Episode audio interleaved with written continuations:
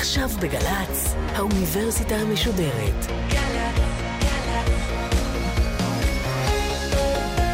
שקורה עכשיו.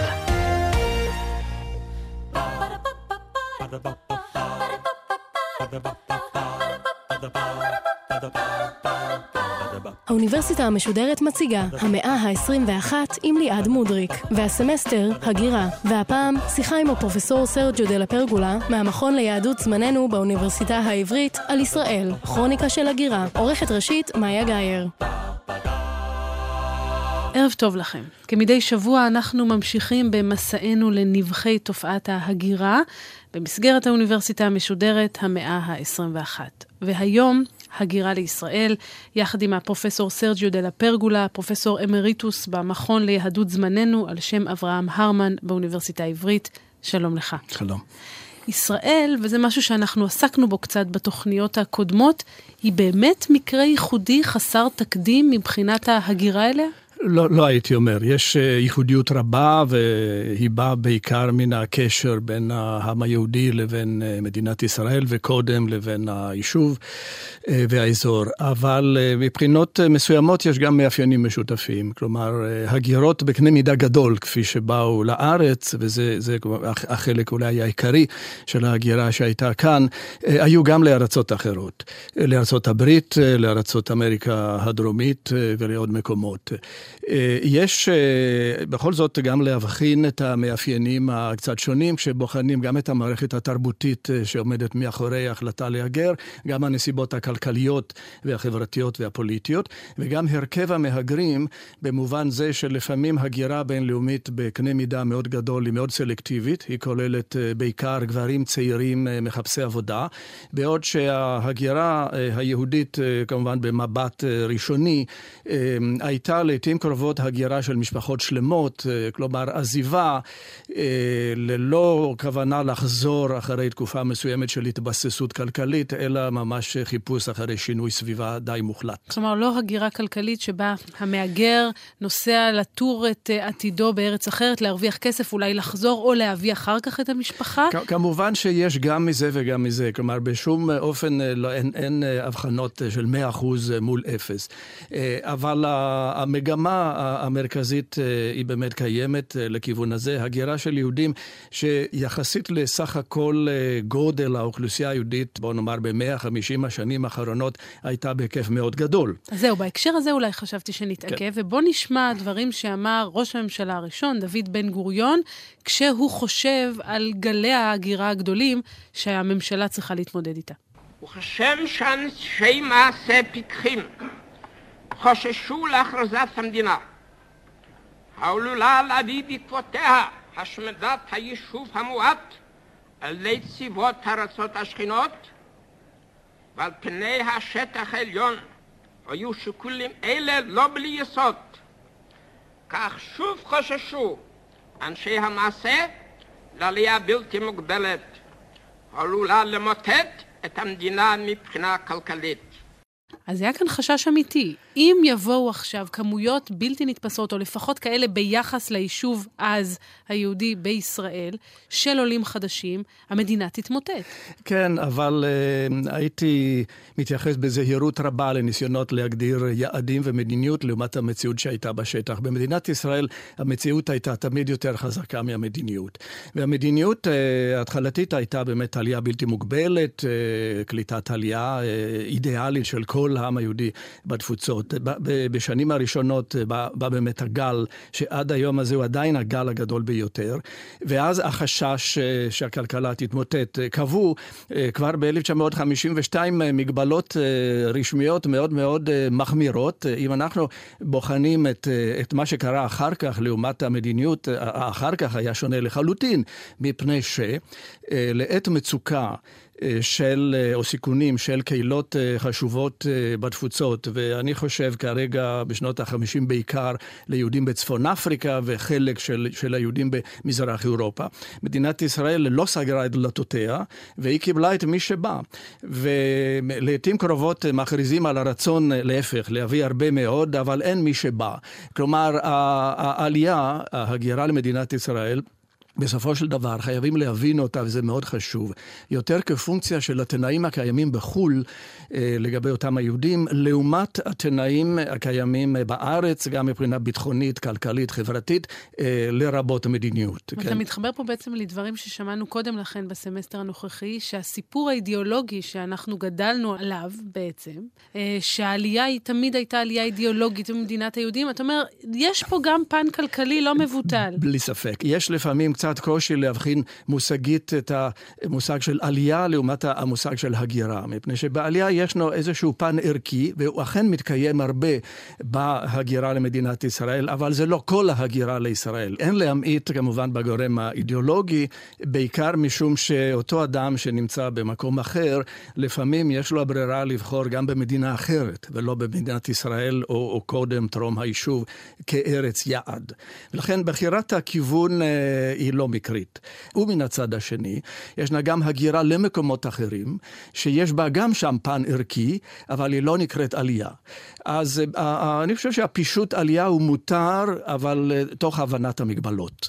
מבחינת הפרופיל של העולה או המהגר לישראל, אז אמרת משפחתי שונה ממהגרים אחרים בעולם, כי מגיעים עם ילדים, עם משפחות ולא אה, גברים בודדים. אמ, מבחינת uh, השכלה למשל?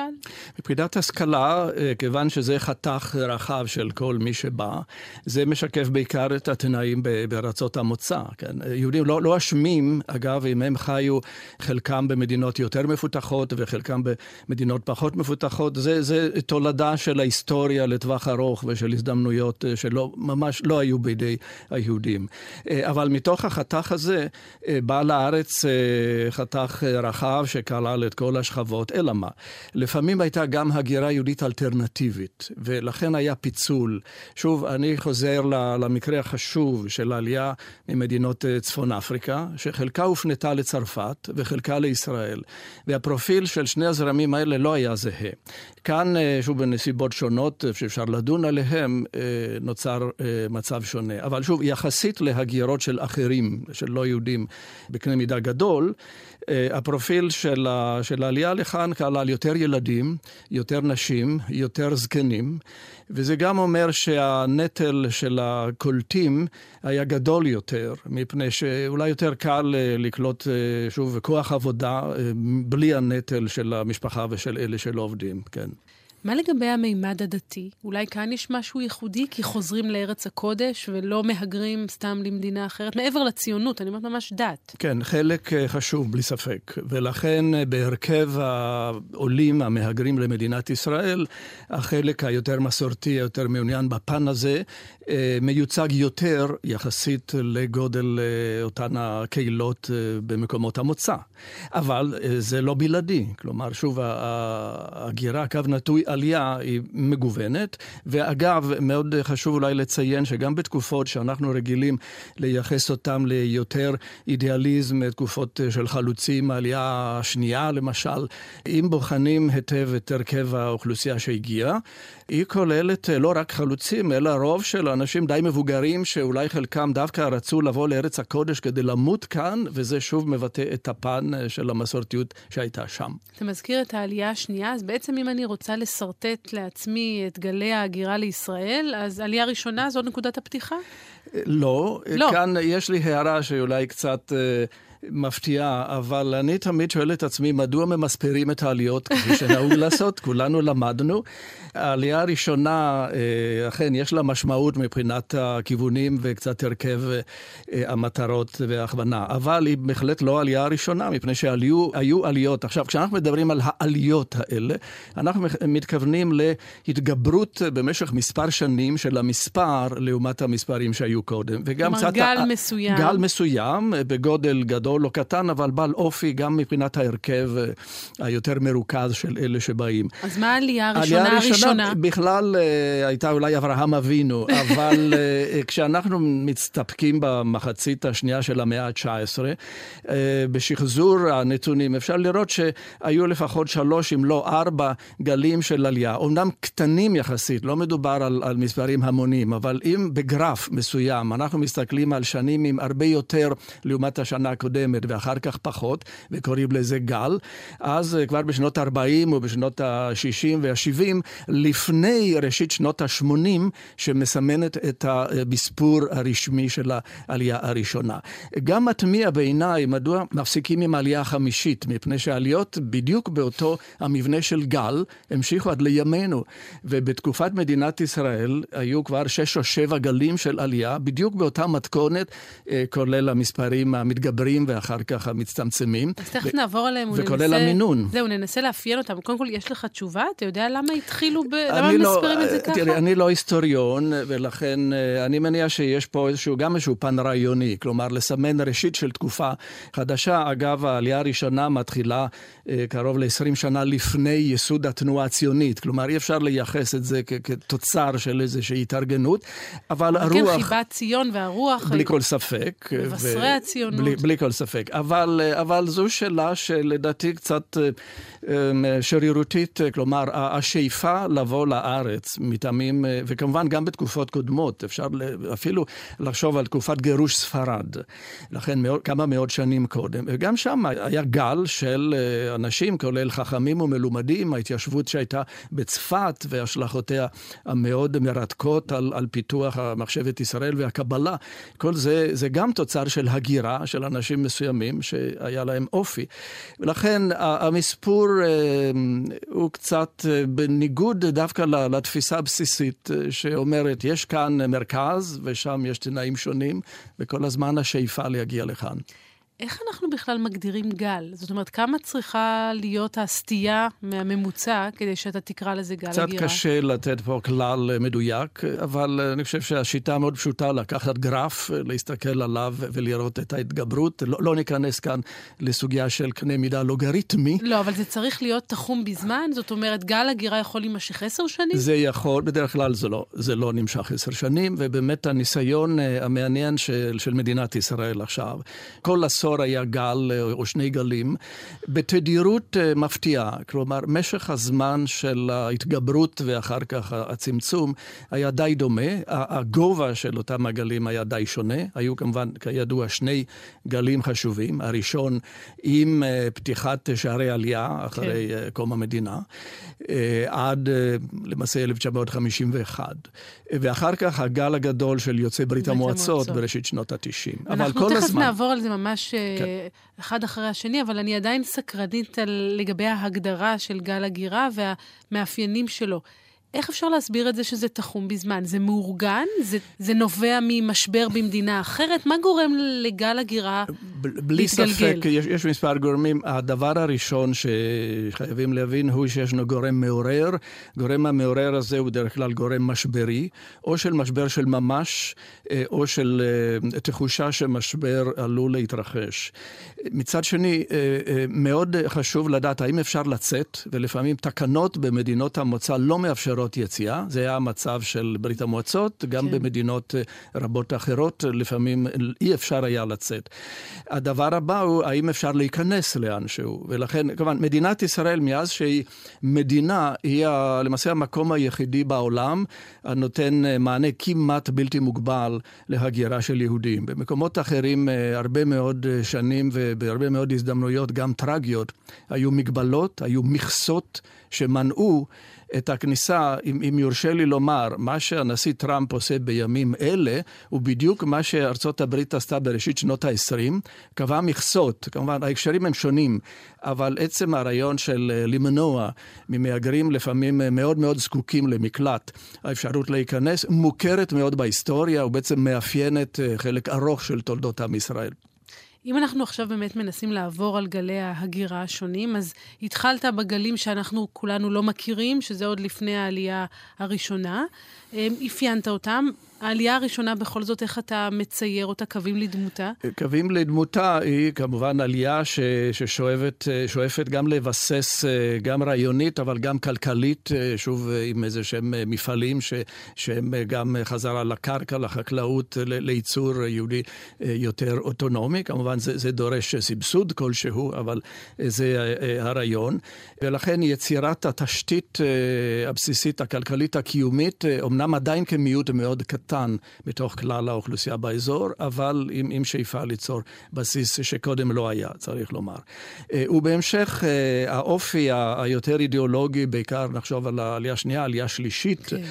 שבאה לפחות על המוכרז לפתח סוגים מסוימים של התיישבות, אידיאל שהוא גם תמורה מבחינת המערכת הקהילתית הקולקטיבית של היישוב, ובהמשך אבל עליות אחרות שהן יותר כלליות, עליות עירוניות, עליות בורגניות, עליות של, של כל מיני בעלי מקצוע ו, ויזמים, וזה מאפיין את המשך העלייה בתקופת המנדט. והגל הגדול, אתה אומר, אחרי קום המדינה. הגל הגדול, אחרי קום המדינה, פה משתנים uh, כללי המשחק. מדינת ישראל מכריזה על, על עידוד עלייה, עדיין אין חוק השבות, הוא יבוא בהמשך, אבל הרעיון הוא ברור. מדינת ישראל פתוחה לכל העם היהודי. העם היהודי שבשנות uh, קום המדינה נמצא במצוקה נוראית, מפני שהייתה שואה. יש באירופה שרידים, יש מאות אלפים של אנשים uh, מוכים uh, בנפש, בגוף, ש, שאין להם מקום אחר. מן הצד השני, uh, עם קום המדינה, המצב של יהודים במדינות האסלאם uh, מידרדר, ולכן זה uh, מאפיין בעצם שני הזרמים, גם מאירופה, גם מצפון אפריקה, המזרח התיכון. זאת עלייה גדולה שכוללת מרכיבים של כל האזורים. והגל הבא, אתה מציין אותו מה, בשנות ה-50? 56? ובהמשך, משברים גם, שוב, פעם בצפון אפריקה, פעם במרכז, מזרח אירופה, היו משברים ברומניה, בהונגריה, בפולין. ההיקפים הם שונים, אבל אנחנו רואים מספר שנים של התגברות. המצב הפוליטי-כלכלי ובעיקר היחס בין המיעוט היהודי לרוב, או, או להפך, התחושה של יהודים שישנה דחיפות, זה גורם מגביר. אין ספק, פה אי אפשר למחוק את העובדה, שהרבה מאוד מן העלייה לוותה על ידי פעילות מוסדית, ההתערבות של מדינת ישראל, למשל בארגון המבצעים המפורסמים של יציאת הרוב המכריע של יהודי תימן, כן. הרוב המכריע של יהודי עיראק ו- ועוד קהילות, הפן הארגוני הוא מאוד קריטי. ואחר כך אתיופיה, יציאת יהודי אתיופיה. כמה ו- זה יוצא דופן? כמה זה... מדינות אחרות בעולם עושות מבצעי לא עלי? חושב ש... לא, לא ראיתי חיל אוויר שולח אה, להקה של מטוסים גדולים כדי להביא אה, קבוצה גדולה של עולים, של רבבות, אה, את זה אני חושב שלא ראינו, כן. אה, יש לפעמים עידוד והתעניינות, הצלה, בלי כל ספק, גם בימינו, אבל זה, זה דבר שבהחלט הוא ייחודי. כי יש פה באמת רעיון מרכזי, יש לנו פרויקט. ואלה באמת רגעים בלתי נשכחים. בואו נשמע. אם כן, מבצע שלמה תם ונשלם. כ-15 אלף יהודי אתיופיה הובאו בשלום הביתה לישראל במבצע חסר תקדים בהיקפו ובדחיפותו. מאתמול בבוקר ובמשך 30 שעות פעלה רכבת אווירית שהשתתפו בה מטוסי חיל האוויר, מטוסי אל על ומטוסים חכורים. הם ביצעו 40 טיסות מאדיס אבבה לישראל ובקרבם אלפי העולים. לא שמיר, מה אתה אומר על היום הזה, לרגע הזה? יום גדול, יום שמח. אנחנו סוגרים מעגל, מסיימים היום את המבצע הגדול שהחל לפני שנים על ידי מדינת ישראל, כדי להביא לארץ ישראל את השבט הפלאשי, יהודי אתיופיה, שחיכו במשך שנים רבות, שציפו לרגע הזה, שבו יתקבלו משרות פתוחות על ידי ממשלת ישראל, על אדמת ישראל. אם אני עכשיו רוצה להבין מתוך הסקירה הזו שאתה עושה, גם מצד שני את מדיניות הקליטה בישראל, איך היא משתנה לאורך השנים? מדיניות הקליטה שהיא כל כך מבוקרת, אה, בסך הכל גם משקפת את התנאים שהיו בכל תקופה והמשאבים. ב-1948, 49, 50 הייתה דיספרופורציה מוחלטת בין גודל האוכלוסייה של מהגרים נכנסים, אה, רובם מחוסרי קול, לבין המשאבים של המדינה הקולטת. בתוך, יש פה כמעט שיא עולמי, אוכלוסייה ישראלית שגדלה ב-25% תוך שנה, את זה באמת כמעט ולא קיים בשום מקום אחר. ובמדינה מאוד ענייה שיש לה בעיות של מלחמה עדיין לא פתורות. ולכן התנאים היו נוראים. אנחנו יודעים את כל הסבל של הפרט, הצורות המאוד פרימיטיביות של, של שיכון שניתנו. המעברות. המעברות, האוהלים, הפחונים. כן. לאט לאט זה לקח שנים, המצב השתפר. אם אנחנו נשווה את זאת עם עלייה שבאה בעיקר החל משנות ה-70, כאשר כבר הקימו משרד קליטה, הקימו מרכזי קליטה, שהיו מקומות מרווחים יחסית, כמעט כמו בית מלון. וגודל האוכלוסייה הקולטת הרבה יותר גדול מה, מהנקלטת, אז ההשפעה והיחס הזה הוא שונה לחלוטין. אבל יחד עם זאת, צריך גם לשים לב שלא הכל פתור ולא הכל אידיאלי. כלומר, הנכונות של המערכת הקולטת להבין עד הסוף השפה, המנטליות, הצרכים של הנקלטים, לא תמיד מצטיינת. ואנחנו ו... עוד נעסוק בזה בהמשך הסמסטר גם בהרחבה, על הפערים התרבותיים ועל המשקעים שנותרו. גם עכשיו אנחנו חווים את פרשת ילדי תימן, למשל, פרשות נוספות, אבל אנחנו דיברנו עד עכשיו רק על כניסה של יהודים. לתוך ישראל. מה לגבי המדיניות כלפי הלא יהודים והכניסה של לא יהודים לישראל? טוב, יש פה שני סוגים של אה, לא יהודים.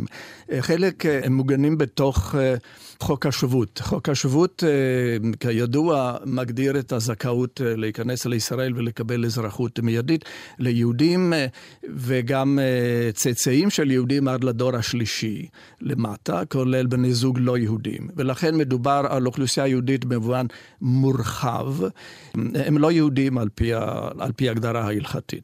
ולכן יש לא, לא מעט לא יהודים, היום יש בארץ אה, קרוב ל-400 אלף ישראלים שחיים אה, זורמים אה, במגזרים היהודים של החברה הישראלית, ואיש לא יכול להבחין בין אחד למשנהו. זה סוג אחד, אבל הוא, הוא החלק שהוא חלק באמת של התפיסה המרכזית אה, של חוק השבות. החלק האחר הוא עובדים זרים, פליטים, אנשים שהם באמת יותר דומים להגירות האחרות שדיברנו עליהן, כלומר, אנשים ש, ששוב, באופן מאוד משמעותי הם יותר גברים מאשר נשים, יש מעט מאוד ילדים, אנשים שאו שמחפשים מקלט או פתרון כלכלי. אגב, לפעמים המדינה או יוזמת או מאפשרת יוזמות דווקא של ייבוא של עובדים כאלה. ובמובן זה מדינת ישראל היום היא מאוד דומה להרבה מאוד מדינות מערביות, עם כלכלה מפותחת ועם ביקוש של כוח עבודה, שהוא בדרך כלל בדרגים הנמוכים, עם שכר די נמוך, שהאוכלוסייה המקומית הוותיקה לא מעוניינת להיכנס אליהם. אבל אם אתה מנסה לצייר את המגמות הדמוגרפיות שעברו על מדינת ישראל מהקמתה ועד היום, ובעיקר גם כשאתה צופה פני עתיד, לאן זה הולך? צריך לומר שההגירה הנכנסת, העלייה, אה, היוותה את אה, עמוד השדרה של החברה הישראלית, ולכן בחלק הראשון של מדינת ישראל, השנים הראשונות או שני העשורים הראשונים, זה היה הגורם המוביל בצמיחה הדמוגרפית אה, של הקהילה היהודית ושל המדינה כולה. אבל בהמשך הרבה פחות. בהמשך צריך להיות מודעים שהמנוע המרכזי של הצמיחה הדמוגרפית הוא הריבוי הטבעי. כלומר, מה שנוצר במקום. הילודה עם פחת התמותה, וזה אה, גם אה, אה, כך יהיה בעתיד, מפני שבגלל מספר סיבות. קודם כל, המאגרים הגדולים של יהודים במדינות מצוקה כמעט והסתיימו. היום ישראל היא מדינה מפותחת, אנחנו לפעמים שוכחים את זה. היא בין 20 המדינות המפותחות ביותר בממדים החברתיים האנושיים. והיום כמעט 90 אחוז של יהודי התפוצות חיים במדינות יותר מפותחות ממדינת ישראל, ורק קצת יותר מעשרה אחוז במדינות פחות מפותחות. לכן ההגירה היהודית, שמבטאת גם מצוקה בתנאים הקיימים, כמעט והסתיימה. כלומר, לא צפויים גלי עלייה אלא גדולים? מה, אלא מה, אנחנו יודעים מההיסטוריה שיש רגעים של חוסר יציבות דרמטי במערכת הגיאופוליטית העולמית. נחזור להיסטוריה קצרצרה של ההגירה היהודית. היו הרבה גלים כל הזמן, כפי שציינו, אבל יש שלושה רגעים מאוד דרמטיים. אחד לפני מלחמת העולם הראשונה, כשהמון יהודים, בעיקר ממזרח אירופה, הגיעו לארצות הברית. בתקופה למעשה של התפוררות האימפריות האירופיות, הולכים למלחמת העולם הראשונה ולשינוי כן. ארצות הברית סוף סוף כהמעצמה העולה. החלק השני, מדינת ישראל עצמאית, אבל זה לא הולך בלי סוף האימפריה הבריטית, שלא יכולה כבר לקיים את המפעל. והגל השלישי מברית המועצות זה בעצם סוף האימפריה הסובייטית. אם, אם נקבל את התפיסה הפשטנית הזאת של סוף האימפריות... צריכה איזה אימפריה ליפול, מה נשאר לנו? ומה האימפריה? יש מה... היום ארצות הברית. בעברית. אני מאוד זהיר, כי אני אומר לא סביר. כן, אפילו עם טראמפ. סבירות נמוכה, גם, גם עם טראמפ. אבל, כיוון שראינו בעבר, שגם האימפריה הרומית נפלה. כן. זאת אומרת, אם, אם אנחנו... בציניות מסוימת מתייחסים להיסטוריה לטווח ארוך, כן. אז שום דבר אינו בלתי אפשרי. מצד שני, למדיניות לטווח הקצר, ממש לא הייתי בונה על זה. וצריך להבין שהתנאים הטובים יחסית, למרות האנטישמיות ולמרות האלימות פה ושם, אה, שבהם נהנים רוב היהודים היום בימינו, אה, מונע למעשה גלים אה, מאוד גדולים של הגירה. מה לגבי הגירה שלילית? אני יודעת שאנחנו שומעים על זה יותר ויותר בשנים האחרונות, בעשור האחרון. זה בא לידי ביטוי במספרים? לדעתי פה יש פרדוקס גדול, מפני שאין כמו התקשורת בלעורר את הדרמה. הנה שוב, התקשורת אשמה, התשקורת הזה, כן. כן. אבל מדברים על ה-50 אלף בברלין שמחפשים קוטג' בזול. כן. אה, אני חיפשתי בנתונים של ברלין, אה, יש נתונים, אה, מספר הישראלים הרשומים. באזור ברלין הוא פחות מ-4,000. אז ישנו פער מסוים, אין ספק שהמספר הזה גדל והולך, אבל יש פער מסוים בין התפיסה הציבורית לבין המציאות. זה לא כצעקתה, אתה אומר. אני חושב שלא כצעקתה. בארצות הברית מדברים על מיליון בעמקים של אזור LA. יש בכל ארצות הברית קצת יותר מ-200 אלף, זה לא זניח, כן? זה אחוז מסוים של האוכלוסייה הישראלית. לא גבוה בהשוואה למדינות אחרות שקלטו הרבה מאוד הגירה. אני חושב שאחוזי הנשירה ואפילו הירידה של ילידי ישראל ממדינת ישראל הם, הם לא מרשימים יחסית להרבה מאוד מדינות אחרות, כולל מדינות מפותחות. אז לסיום, מהם האתגרים שאתה בכל זאת מצביע עליהם מבחינת ההגירה לישראל וממנה והדמוגרפיה הישראלית? האתגר הגדול בעיניי, וזה קצת יותר ערכי מאשר כמותי, הוא שמדינת ישראל היא מדינת בעלת פוטנציאל משיכה מאוד גדול, אבל הולכים יותר ויותר לתנאי שישנה שונות רבה בקרב יהודי התפוצות. וצריך לכן להיות מוכנים לקלוט אנשים בעלי תפיסות שונות, בעלי אורח חיים שונה, בכך שכל אחד ואחד ירגישו טוב במדינה הזאת. זה לא מובן מאליו בתנאים הקיימים. וזה זה, זה האתגר הגדול. אלא אם יהיה באמת איזשהו משבר כלכלי-מדיני גדול, שלא כל כך רואים. מה שקורה באירופה, למשל, הוא מאוד חמור.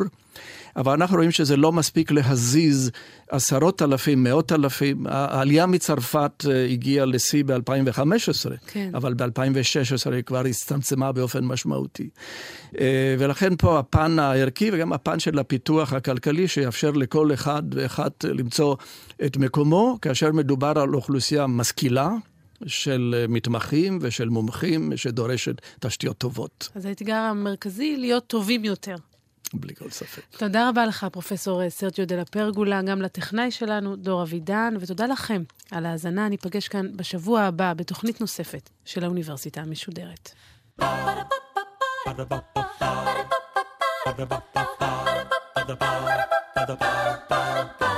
האוניברסיטה המשודרת, המאה ה-21. ליעד מודריק שוחחה עם הפרופסור סרג'יו דה לפרגולה מהמכון ליהדות זמננו באוניברסיטה העברית על ישראל, כרוניקה של הגירה. עורכת ראשית, מאיה גאייר. עורכת ומפיקה, נוגה קליין. מפיקה ראשית, אביגיל קוש. מנהלת תוכן, מאיה להט קרמן. האוניברסיטה המשודרת בכל זמן שתרצו, באתר וביישומון של גל"צ, וגם בדף פייסבוק של האוניברסיטה המשודרת.